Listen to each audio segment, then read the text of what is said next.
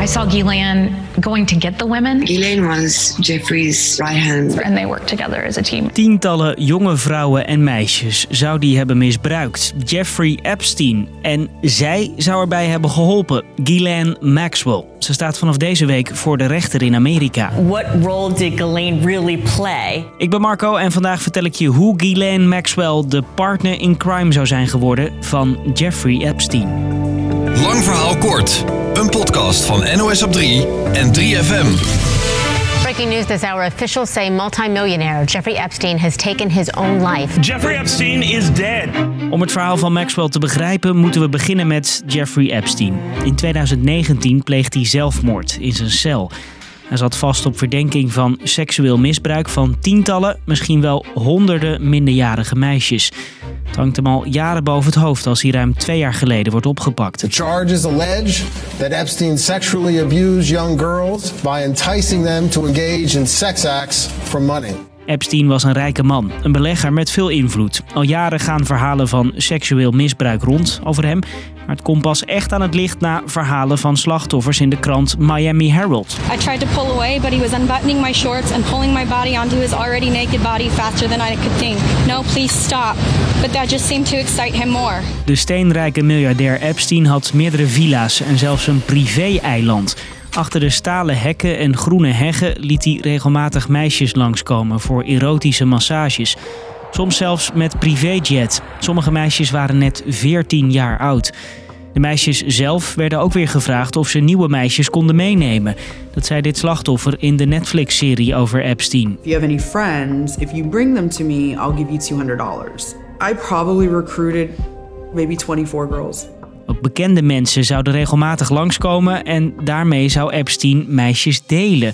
Acteur Kevin Spacey, voormalig presidenten Donald Trump en Bill Clinton. Om al die mannen hangen geruchten van misbruik, maar zij ontkennen stellig. Zoals ook de Britse prins Andrew. That couldn't have happened because the date that is being suggested I was at home with the children. Bij de arrestatie van Epstein in 2019 wordt zijn huis in New York volledig leeggetrokken. Er wordt van alles gevonden, vertelt correspondent Marieke de Vries. Naast een enorme hoeveelheid pornografisch materiaal worden er ook videoopnames uit surveillancecamera's aangetroffen. Want Jeffrey Epstein had in iedere kamer in dit huis een surveillancecamera opgehangen. Een maand na zijn aanhouding pleegt hij zelfmoord in zijn cel, voor hij voor de rechter verscheen. En dan komen we bij Ghislaine Maxwell. Epstein was hartstikke rijk, zat in de high society van Amerika.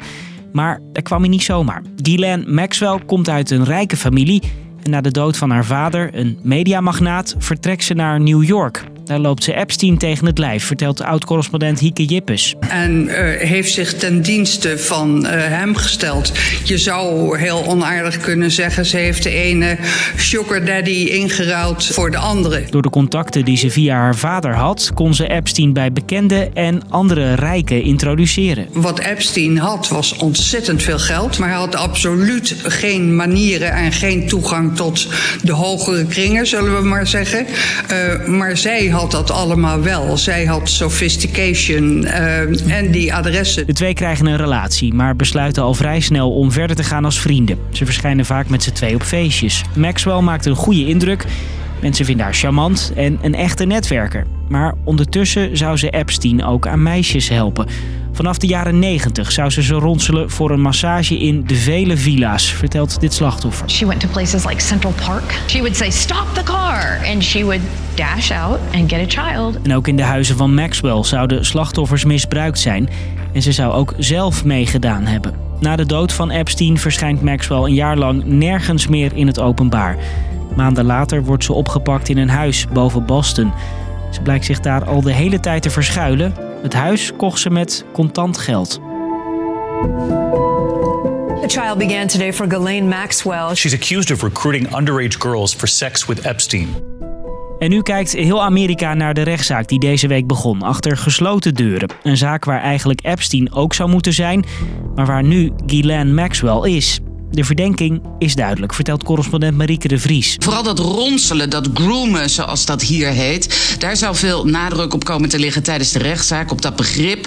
En daar zal ook een expert voor komen getuigen wat dat groomen precies is. En of je kan groomen, kan ronselen voor iemand anders of alleen voor jezelf. Zonder Maxwell zouden de meisjes niet in Epsteins huis zijn gekomen, zeggen slachtoffers.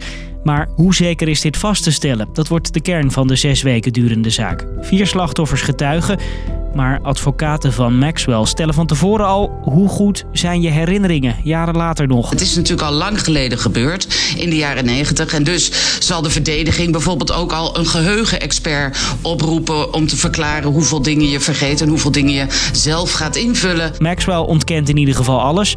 Haar broer zegt dat ze haar nu proberen te pakken, nu Jeffrey Epstein zelf niet meer gestraft kan worden. And they're taking it out on my sister. And that's just damn wrong. Dus, lang verhaal kort, Ghislaine Maxwell is volgens slachtoffers van Jeffrey Epstein de partner in crime. Ze zou meisjes ronselen die vervolgens werden misbruikt door Epstein. Die rijke Amerikaan stapte uit het leven toen hij vastzat op verdenkingen van misbruik van heel veel minderjarige meisjes. En dat was hem voor vandaag. Bedankt weer voor het luisteren.